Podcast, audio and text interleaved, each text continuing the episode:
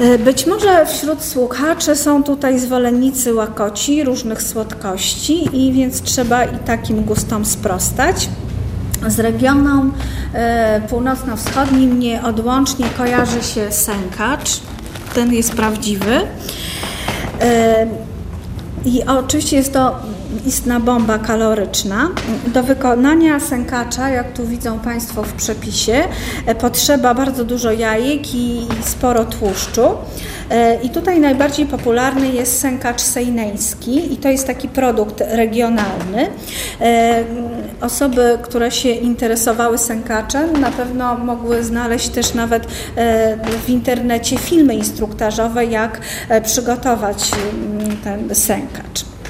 Tutaj motywacja nazwy też jest bardzo prosta, bo chodzi o te charakterystyczne sęki, które powstają przy nanoszeniu ciasta na wałek e, formujący kształt.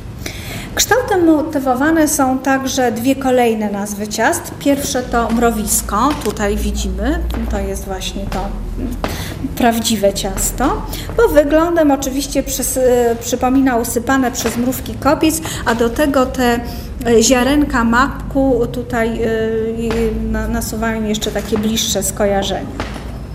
E, ciasto pochodzi znowu z Sejneńszczyzny, e, gdzie mm, gospodyni specjalizują się e, w jego przygotowywaniu. Sposób przyrządzania jest niby prosty, bo trzeba układać warstwami faworki, polewać je miodem mm, i posypywać makiem. Jednak wykonanie dobrych faworków to tajemnica właśnie tych pań mieszkających na pograniczu polsko-litewskim. Także z tamtego zakątka Polski, z okolic Puńska, wyeksportowano kolejny produkt regionalny, czyli komin. Tu motywacja jest także przejrzysta, e, a mianowicie mm, mniej łatwe do tego pozostaje wykonanie ciasta. I to ciasto w ogóle zawdzięczamy pomysłowości e, Tatarów litewskich, którzy napłynęli właśnie na e, rubieże Rzeczypospolitej. I to zostało przeniesione tutaj na y, to pogranicze polsko-litewskie.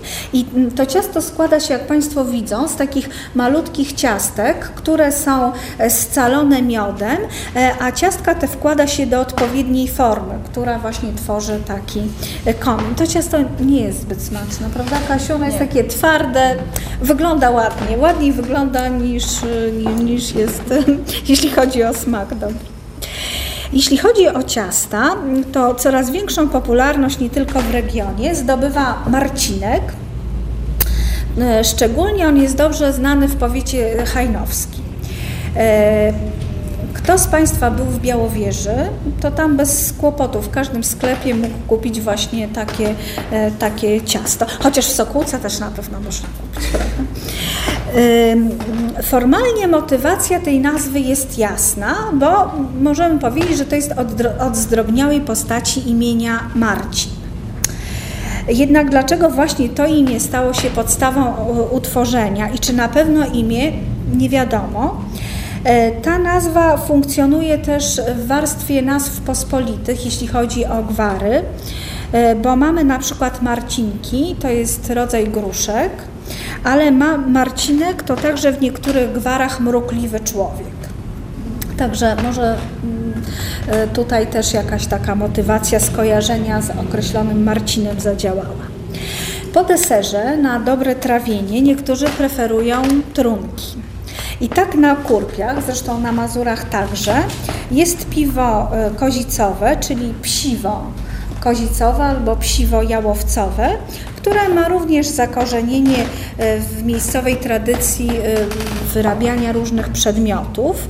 Napój ten podobno bezalkoholowy. No nie wierzę, że piwa mogą być bezalkoholowe, no ale wytwarzano z chmielu i owoców jałowca. Jałowiec zaś był często stosowany do wytwarzania trzonków bata, czyli kozic. No i stąd właśnie to piwo kozicowe. E, z kolei dalej na wschód amatorzy trunków pijali ajerówkę. E, na Białostoczyźnie ajer, e, zwany także jest to tatara, który także jest zwany zresztą bluszczem. Jest to roślina, która znajduje duże, znajdowała duże zastosowanie w kuchni. A więc nie tylko przygotowywano na niej alkohol, ale także na ajerze pieczono chleb. On miał wtedy taki specyficzny posmak. W końcu z korzeni ajeru robiono Także konfitury, potem dodawano e, cukier i miód i e, te konfitury były przechowywane w apteczkach domowych jako lekarstwo. E, Zygmunt Gloger w encyklopedii staropolskiej objaśnia, że ajer tak na Litwie zowią tatarak, z greckiego i łacińskiego aira akorus. Muchliński twierdzi, że nazwa ta wzięta od Turków, ponieważ tatarak po turecku agir, czego jednak zapewnik przyjąć nie można. Jan Karłowicz powiada, że wyraz ten dostał się do nas nie z zielników, ale pewnie z języków ruskich, bo po rosyjsku brzmi podobnie. A jerówką lub kalmusówką zowie się wódka na tatarak nalewana.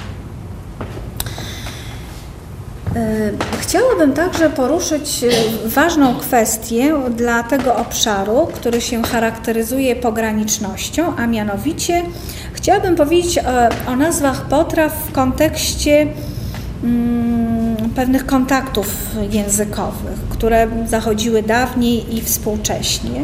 Mm, to właśnie ten tak istotny dla egzystencji człowieka dział, e, jakim jest żywienie, pokazuje się przenikanie tych różnych wpływów i doświadczeń rozmaitych między przedstawicielami e, różnych nacji, narodów czy grup etnicznych.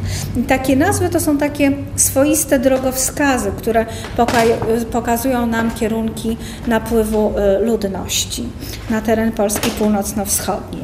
I śladem takich oddziaływań E, są właśnie wpływy języka białoruskiego, ukraińskiego, rosyjskiego e, na mowę e, mieszkańców regionu. Wystarczy podać taką nazwę dobrze znaną, tu dalej można, w Wielsku Podlaskim i okolicach to są brosaniki.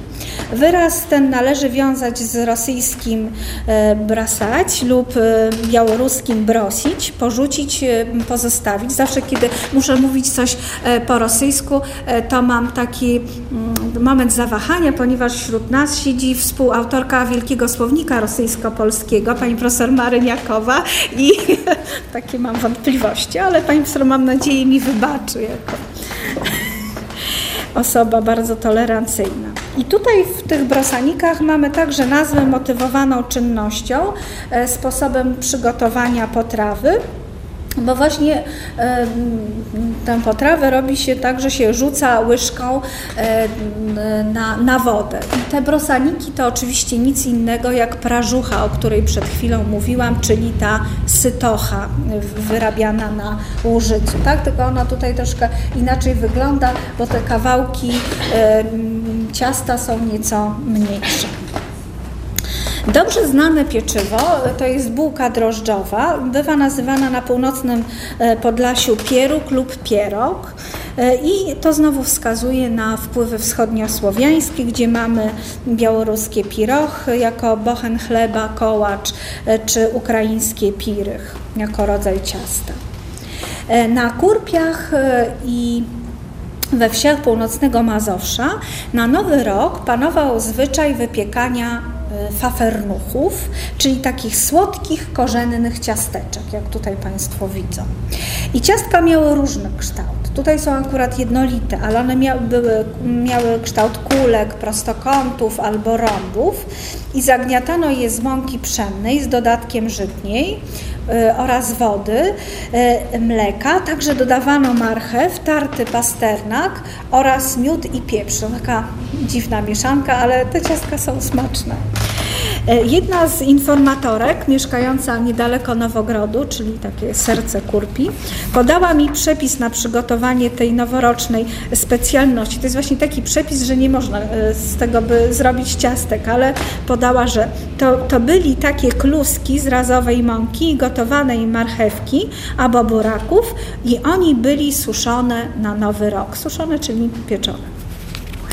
E, na, całe, na całych kurpiach zresztą nie tylko na kurpiach, fafernuchy były wykorzystywane w popularnej grze Cetno i Licho. i brały w niej udział e, dwie osoby, najczęściej to chłopak i dziewczyna i jedna e, osoba chowała w zamkniętej dłoni garść tych fafernuchów, a zadaniem drugiej było zgadnąć, czy jest liczba parzysta, czyli cetno, czy nieparzysta, czyli licho. Jeśli zgadujący powiedział cetno, w dłoni znajdowała się liczba nieparzysta, wówczas fafernuchy zabierała osoba trzymająca e, ciastka, e, no i pewnie mm, też mm, musiała się jakoś wynagrodzić. Jeśli to była dziewczyna i chłopak, to prawda, wersje są do, do myślenia się. E, jak podaje Barbara Ogrodowska w książce polskie obrzędy i zwyczaje doroczne, zabawa ta mogła też mieć taki charakter wróżebny nieco, e, korzystny, czyli ten parzystny wynik, czyli cetno, e, mógł być jednocześnie zapowiedzią rychłego ślubu. Natomiast ta nieparzysta liczba, czyli licho, wróżyły pozostanie w panieńskim albo kawalerskim stanie, no, czyli może być i staropanieńskim. Tak?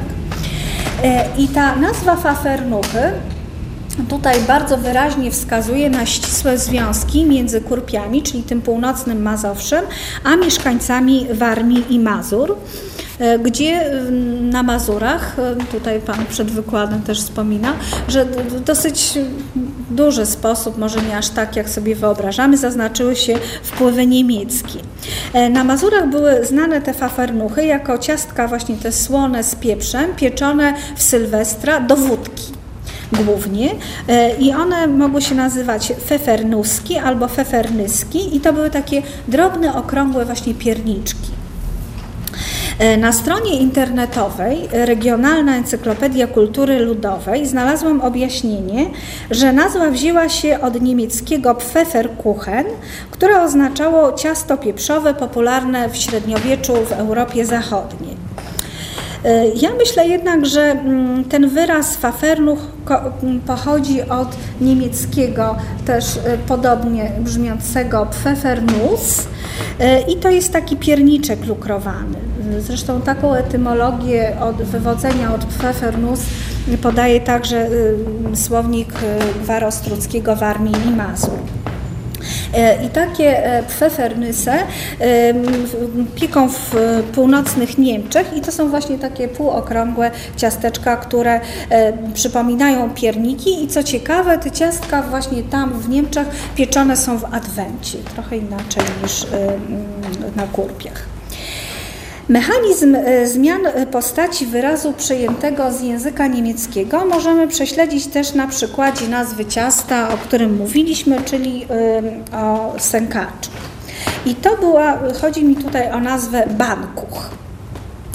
E, tu uwidacznia się właśnie przyswajania tych obcych wyrazów i idących za tym różnych zmian e, fonetycznych, czyli związanych z wymową, a także zmian, zmian dotyczących budowy wyrazów i jej e, odmiany.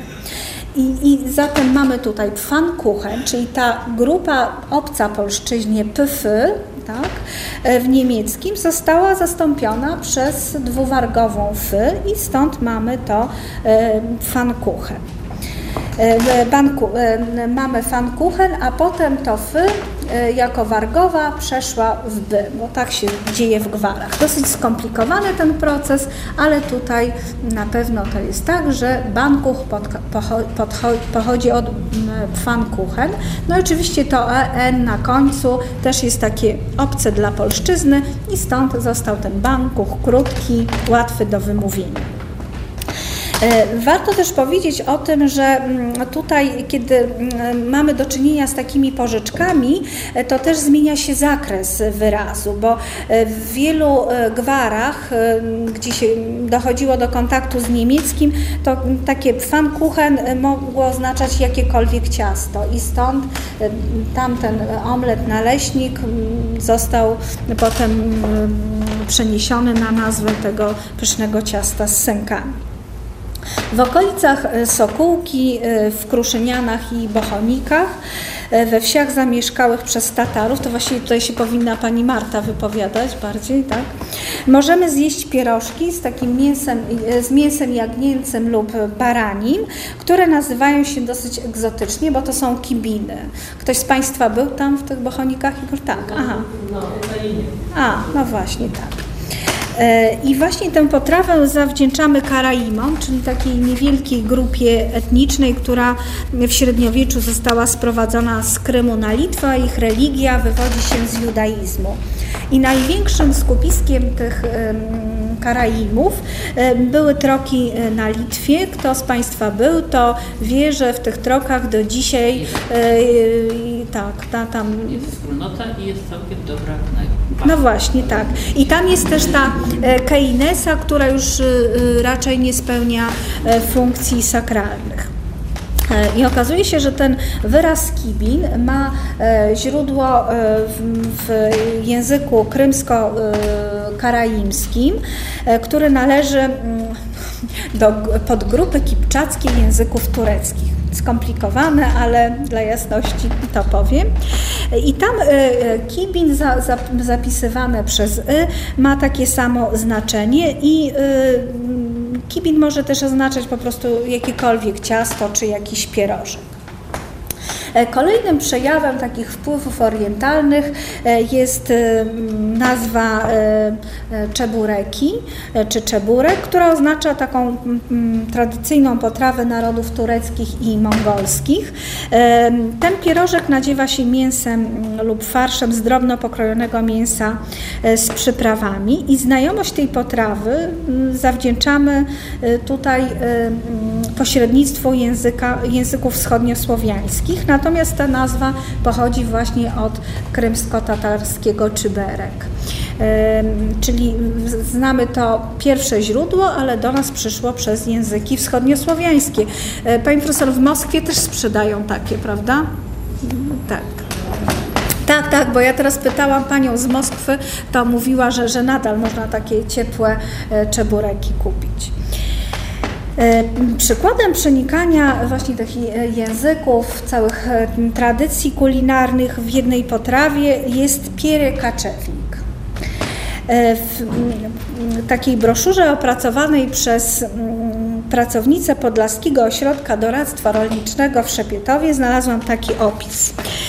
Jest to jest, e, e, jest tradycyjnym tatarskim pierogiem makaronowym. Składa się z wielu bardzo cienkich warstw ciasta przekładanych farszem. Jest to rodzaj ciasta pieczonego w piekarniku o bardzo charakterystycznym wyglądzie. Zewnętrznie jest okrągły, zwinięty w rulon, złączony ze sobą na brzegach. Wszystko się zgadza. W przekroju uwidocznione są liczne warstwy ciasta na przemian z jedzeniem. Sztuka poprawnego wykonania produktu leży w bardzo cienko wałkowanym i rozciąganym cieście. Przygotowuje się kilka płatów ciasta, rozkłada pojedynczo na blacie, skrapia obficie rozpuszczonym masłem i nakłada jeden na drugi. Na ostatnim, górnym płacie, wcześniej ułożonych warstw ciasta, należy równomiernie rozłożyć farsz. Całość zawija się na kształt rolady, a następnie zwija w literę O. Po upieczeniu ciasto powinno być chrupiące i mieć złoto, mm, złocisto-brązowy kolor. Wyjątkowo pracochłonna receptura sprawia, że pierekaczewnik wytwarzany jest dość rzadko, zazwyczaj tylko w domach tatarskich podczas świąt bądź w tatarskich kwaterach agroturystycznych. Pierekaczewnik jest tradycyjnym produktem tatarskim, który nazwę swą wywodzi z terenów dawnych Kresów Rzeczypospolitej zamieszkanej przez Tatarów. Nazwa pierekaczewnik wywodzi się z języka rosyjskiego pierekatywać, co oznacza przywałkowywać po swolszczeniu oznacza przekładaniec. No, łączenie tego wyrazu z językiem rosyjskim na pewno nie jest błędem, ale właściwie warto by poszukać też odniesień właśnie do języka karaimskiego. I tam w karaimskim mamy taki rdzeń kacz, który oznacza oddalać się, szybko biec. I mamy rosyjską cząstkę pierie, czyli przez lub prze i zatem ten pierie kaczewnik to daje nam taki y, przetaczać, przekładać coś mięsem, tak? Czyli coś znaczy jest rezultatem przekładania, y, przetaczania y, mięsem. No zobacz, to jest taka etymologia y, niepewna, ale chyba jednak należy z tym karaimskim kacz łączyć. W Polsce północno-wschodniej, jak wiadomo, dużą część mieszkańców stanowili Żydzi. Ich obecność, jeśli chodzi o leksykę w tamtejszej mowie mieszkańców, nie zaznaczyła się jakoś tak szczególnie E, znacząco, e, bo e, mamy taką, chodzi mi tutaj o wyraz cymes, prawda, który jest w polszczyźnie ogólnej i to jest coś takiego specjalnego, jedynego w swoim rodzaju. Mm, może też się odnosić do potrawy żydowskiej, czyli to jest ta słodka potrawa przyrządzana głównie z martwi, suszonych śliwek i jabłek. Taka mm, legumina była mm, przygotowywana e, często podczas uroczystych e, posiłków, zwłaszcza e, na wieczerzę, która rozpoczynała szabas. Sposób przyrządzania cymesu zależał od różnych tradycji lokalnych i wyraz cymes oczywiście wywodzi się z idysz, ale ten zaczerpnął z języka niemieckiego, czyli od dobrze znanego zum essen, tak? czyli do jedzenia. Y, Aleksander Brickner, autor słownika etymologicznego języka polskiego, e, ten wyraz wywodzi z kolei od węgierskiego jako cimes, czyli utytułowany i to był taki koń bohaterski. W okolicach Ciechanowca, jak napisała pani profesor tu siedząca, e, w słowniku gwar Ciechanowca i okolic, nie, pani, to jest mowy Ciechanowca, tak? I okolic, napisała Pani, że cymes mm, to jest taki wyrób cukierniczy, trochę inny, bo to jest ciasto zacierkowe, rozwałkowane, złożone w pierożek z cukrem, w środku y, z cukrem w środku, upieczone w palenisku pod płytą kuchenną obok palącego się drewna. Ja nigdy nie jadłam, Pani Profesor na pewno. Dobre to ciasto? Ten cymes? tak. A, no właśnie, tak. No, a, czyli tak trochę ironicznie ten cymes, prawda, tutaj brzmi. E, na Sejnejszczyźnie, a więc na styku języków e, polskiego i litewskiego, może mamy takie różne nazwy bałtyckie i mamy na przykład e, bondę, czyli taki mały chlebek upieczony z resztek wyskrobanego ciasta. Tak? On na przykład na Mazowszu może się nazywać wyskropek.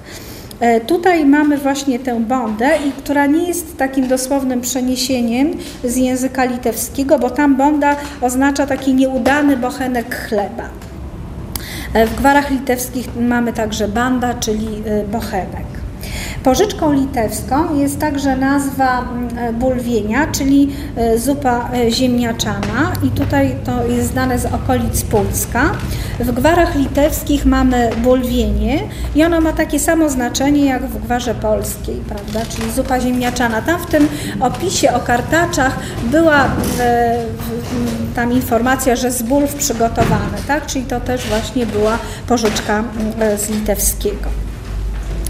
E, podobny mechanizm możemy zaobserwować w wyrazie kumpiach, czyli e, w szynce wieprzowej, bo mamy kumpia, ale i kumpiak. I tutaj litewskie kumpis jest. Kumpia to taki właśnie mm, przykład pośredniej e, formy. Natomiast kumpiak stanowi już o adaptacji do warunków mazowiecko-podlaskich, gdzie ten, ta cząstka ak, sufiks ak bardzo często występuje. Na zakończenie warto podkreślić, że w ostatnich latach nastąpiło duże zainteresowanie tym, co e, regionalne i osobliwe dla danej społeczności lokalnej. Jak zwykle oczywiście zadziałał tutaj czynnik finansowy, bo chodzi o zastrzeżenie produktów, by móc je sprzedawać z określoną marką. E, wraz z popularyzacją produktów regionalnych nastąpił powrót e, tych nazw e, regionalnych, co daje nadzieję, że przynajmniej w tej merkantylnej postaci niektóre dialektalne cechy poszczególnych regionów przetrwają w świadomości współczesnych użytkowników polszczyzny i przynajmniej u niektórych będą budzić jakieś zainteresowanie. No i to będzie znaczyć, że takie nasze takie spotkania jak to y, mają jakiś sens. Y, w Białostockiem biesiadnicy na zakończenie biesiady przyjęcia wypijali hołoblowe. Ponieważ y, mamy w ogólnopolskim jest taki strzemienny, prawda, odstrzemie, czyli część uprzęży do jazdy konno. Tutaj także mamy taki element związany mm, z koniem jako środkiem transportu, który umożliwiał powrót do domu nawet w najbardziej mm, nieważkiej postaci bo tutaj mamy hołoble, czyli taki dyszel do wozu konnego. Ponieważ ja sama nie piję alkoholu, to nie proponuję Państwu alkoholu, ale w podzięce za uwagę i e, w ramach przeprosin za to, że niektóre osoby musiały czekać przed inną salą, tutaj proponuję spróbowanie regionalnych ciast przywiezionych prosto z Podlasia. Dziękuję bardzo.